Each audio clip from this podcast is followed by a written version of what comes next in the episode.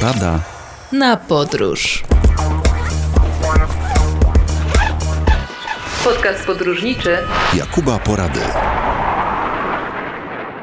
Ta jesienna pogoda często nas zaskakuje i co roku myślimy sobie o tym, jak to było wcześniej. Czy dwa lata temu, albo trzy lata temu, ale najczęściej rok temu było więcej słońca czy mniej.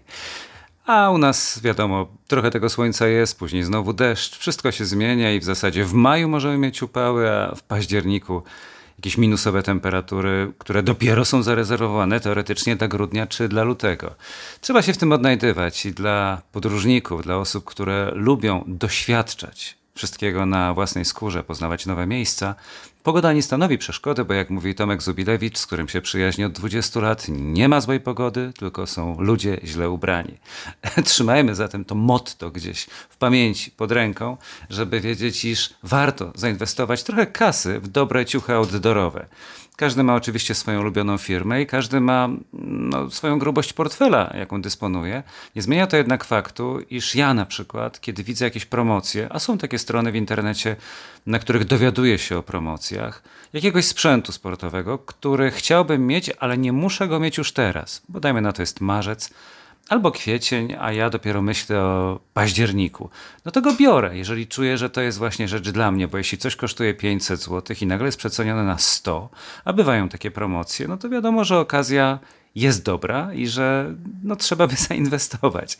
To podałem przykład z góry, wzięty po prostu tak od czapy, ale e, są namioty, a konkretnie jeden namiot, którego szukam już od dwóch, trzech lat. On niestety nie jest produkowany, ale mam nadzieję, że gdzieś mi się go, może w jakimś outlecie albo w komisie namiotowym, jeśli takowy istnieje, znaleźć, ponieważ to jest e, jedyny namiot, jaki ja poznałem, który mieści w sobie dwa rowery. Czyli tam jest miejsce dla jednej albo dwóch osób i do tego jest przedsionek rowerowy, w którym wchodzą dwa rowery. Ja podróżuję sam z rowerem i właśnie mam wrażenie, że gdybym kupił jakiś dobry elektryczny sprzęt, no to wtedy też bezpiecznie się czuję, jeśli będę go miał zaparkowany i osłonięty od deszczu, a zwykły rower również się nada do tego, żeby tym momencie go mieć. On kosztuje 800, 900, w zależności jak się trafi. No nie mogę go zlokalizować, ale nie ustaję w wysiłkach. Natomiast jeżeli chodzi o drobniejsze rzeczy, takie jak kijki trekkingowe, albo takie jak mm, jakaś koszulka e, czy kurteczka nieprzewiewna, no to myślę, że w niższych cenach, w popularnych sieciach handlowych zawsze coś można wyhaczyć, ale właśnie także w internecie, znając swoje rozmiary, jeśli wiem, że szukam Elki,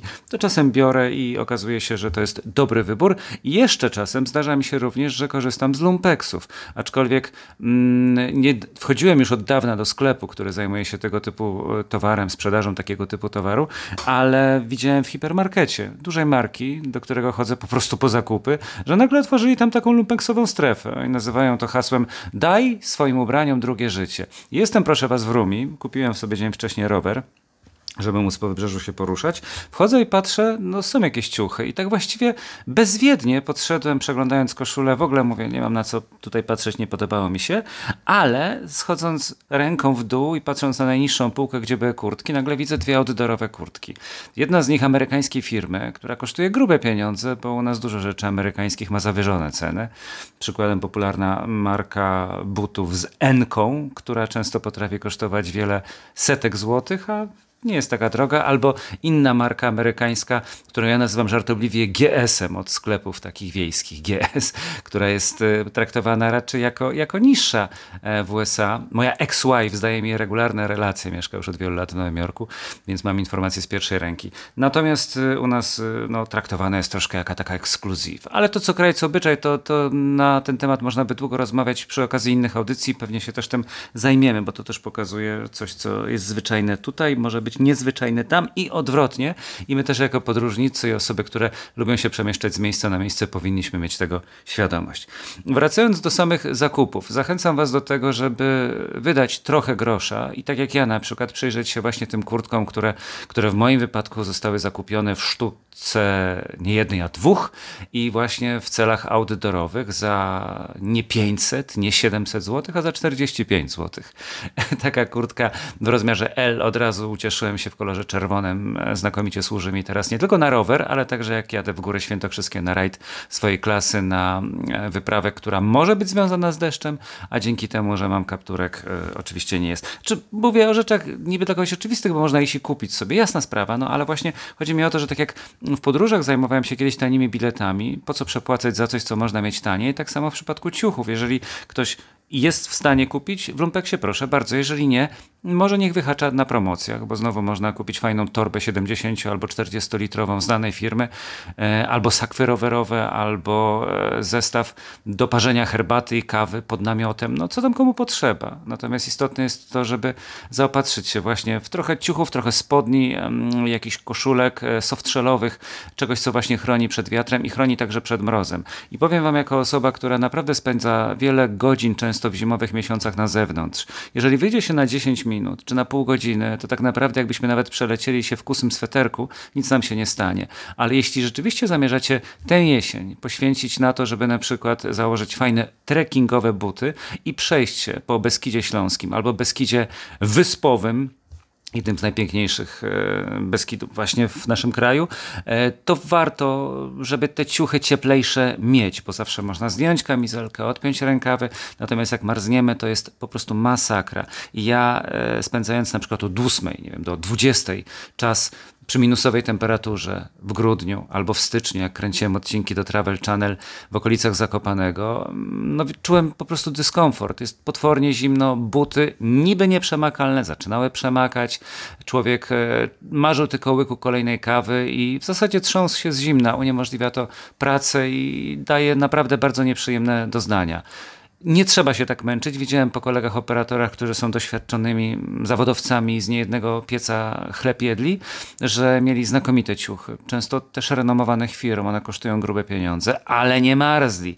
Więc dlatego jeżeli nie chcemy wydawać na przykład tysiąca czy tysiąca dwustu złotych na, na coś, co nam się wydaje, że jest niewarte 100 złotych, to może właśnie z tego powodu chociażby warto szukać tych promocji po to, żeby zdobyć tę rzecz. I do tego was zachęcam. Czyli tak jak zawsze mówimy o jeżdżeniu, o podróżowaniu, tak teraz mówimy o przygotowaniach do podróży, ale w sensie ubioru. Bo rzeczywiście w lipcu i sierpniu łatwo jest wyposażyć się w plecaczek i klapeczki, jeśli ktoś chodzi po plaży, albo e, jakiekolwiek tenisówki czy adidasy i umówmy się, że w tym też pójdziemy jesienią, nawet bardziej niż zimą, bo zimą już widać, co się dzieje za oknem, że to jest grudzień, że jest śnieg, albo że jest temperatura minus 5. A właśnie październik i listopad to są takie miesiące zdradliwe, bo jeszcze może być ciepło i nagle się 20 stopni pojawi, a nagle może być wieczorem e, minus 2 stopnie albo 2. I te skoki powodują, że najbardziej jesteśmy narażeni na różnego rodzaju mm, termiczne niebezpieczeństwa. Dlatego warto się do tego przygotować. Wracamy po przerwie. Podcast podróżniczy Jakuba Porady. Wspominam często o tym, że Beskidy są moimi ulubionymi górami, ponieważ one dzielą się na kilka części, więc Beskid Śląski to jest coś, co lubię chyba najbardziej i to wynika z racji tego, że mieszkałem w Katowicach, miałem blisko, ponad godzinę drogi, nawet maluchem się nie jechało zbyt długo i jak tą Wisłę czy Ustroń zaczynałem poznawać, to dzisiaj jak jestem o 20-30 lat starszy, cały czas jest we mnie ten sentyment. Y, lubię również inne pasma górskie, lubię Bieszczady, lubię Karkonosze, lubię Tatry. Nie znam ich aż tak dobrze, chyba Tatry najlepiej, bo jednak wiele szlaków tam przeszedłem. Natomiast na pewno mam ochotę się wybrać, ale Beskid Śląski związany jest z takim jakimś poczuciem tego, co odczuwam nad morzem, czyli że jak jestem e, właśnie w okolicach Brennej, w okolicach Szczyrku, to mam wrażenie, że moja ukochana Zatoka Pucka, moje Trójmiasto, mój e, piękny kurort w postaci Jastrzębiej Góry czy, czy Rowów, to jest właśnie coś, co z jednej strony jest gdzieś tam w pobliżu cywilizacji, a z drugiej daje ciszę i spokój. No, dobrze się czuję, brak morza nie przeszkadza do poczuciu znakomitego mm, sposobu rozwiązywania wszelkich problemów już tłumaczę o co chodzi, po prostu jak się idzie i człowiek myśli, ja tak mam przynajmniej jak jadę na rowerze albo właśnie jak spaceruję w ciszy, to myślę o różnych sprawach do załatwienia i rozwiązuję sobie problemy w głowie, więc to także jest dobra metoda na to, żeby właśnie oswoić się z górami. Beskid Wyspowy natomiast to jest część najmniej znana, są osoby, które jak już tam raz pojechały, to jeżdżą ciągle, ale dla wielu Beskid Wyspowy to tak naprawdę jest coś, czego nie są do końca w stanie ogarnąć. Gdzie to jest, co to jest, a ja już tłumaczę, bo uważam, że teraz właśnie w październiku powinniśmy się tam w miarę możliwości jak najszybciej wybrać. To są okolice Limanowej. Beskid Wyspowy e, jest mało rozpoznawalny, bo te nazwy miejscowości nie brzmią obco, ale może żadna z nich nie kojarzy się mocno turystycznie. Dlatego jak mówimy Zakopane, mówimy Sopot, to coś nam się wyobraża. A jak mówimy o szczytach, które są właśnie na terenie Beskidu Wyspowego, Mogielica, Ćwilin czy Jasień, Mogielica jest najwyższa, 1170 metrów, to tak naprawdę nie za bardzo wiemy, gdzie to jest. A to jest kraina, która rozciąga się na powierzchni około 1000 metrów kwadratowych. Także jest co oglądać i jest co zwiedzać. Ja kiedy pierwszy raz usłyszałem tę nazwę, Beskid Wyspowy, to wydawało mi się, że chodzi o teren wodny, no bo jeżeli wyspa, to wiadomo, że dookoła musi być jakiś akwen.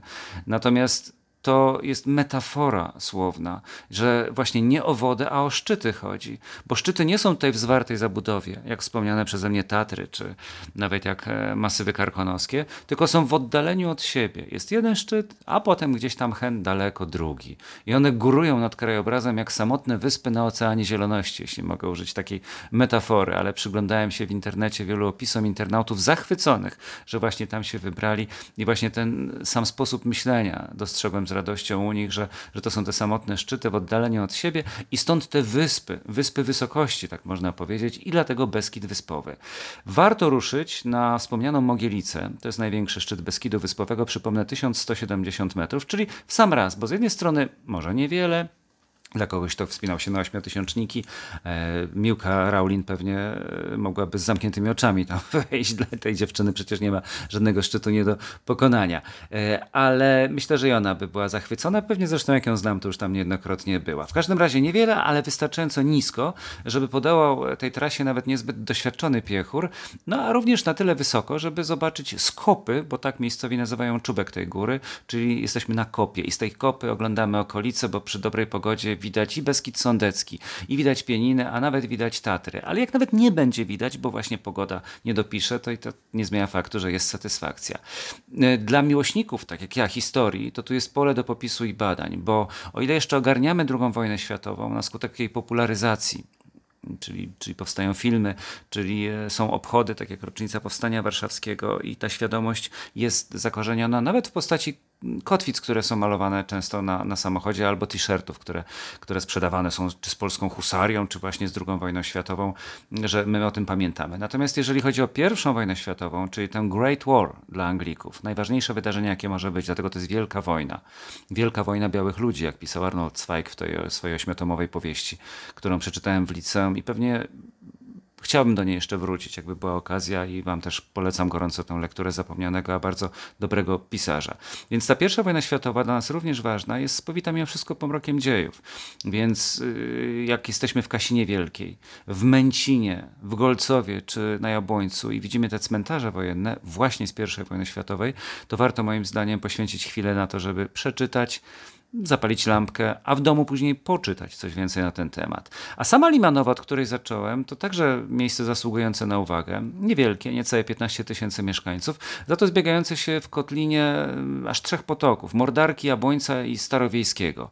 Więc y, miło to się ogląda, miło się o tym czyta. No i samo pasmo łosińskie, na którym znajduje się miasto, to jest jeden ze szlaków, y, a my mamy do czynienia z 20-kilometrowym grzbietem rozciągającym się pomiędzy Łosośną Górną, znajdującą znajdującą się obok miasta, a jeziorem Rożnowskim. I mm, jeśli będziecie akurat w Limanowej, a łatwo tam dojechać, bo jak wrzucicie sobie w aplikację, nie korzystając z samochodu, możliwości dojazdów, to, to nawet przy kilku przesiadkach, no dojeżdża tam jednak zawsze jakiś autobus, więc jesteśmy w stanie dotrzeć przez Kraków albo przez Katowice. Najwyższy w Polsce Stalowy Krzyż tam się mieści, 716 metrów. Um, najwyżej co prawda położony jest krzyż na Giewoncie, ale ten na Miejskiej Górze, właśnie w Limanowej dzierży rekord, bo, bo jest krzyżem e, stalowym, miejskim. Krzyż jubileuszowy ma wysokość dokładnie tam 37 metrów, stalowa konstrukcja 27, a 13 metrów to jest rozpiętność ramion. I e, widać w ogóle miasto, a w szczególe z rynku.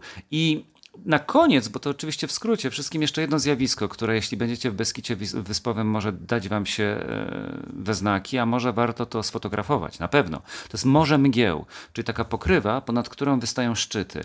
I to przypomina trochę lot samolotem nad chmurami, kiedy one tworzą fantazyjne kształty, a my sobie tak patrzymy na tę pierzynkę, którą jesteśmy otuleni.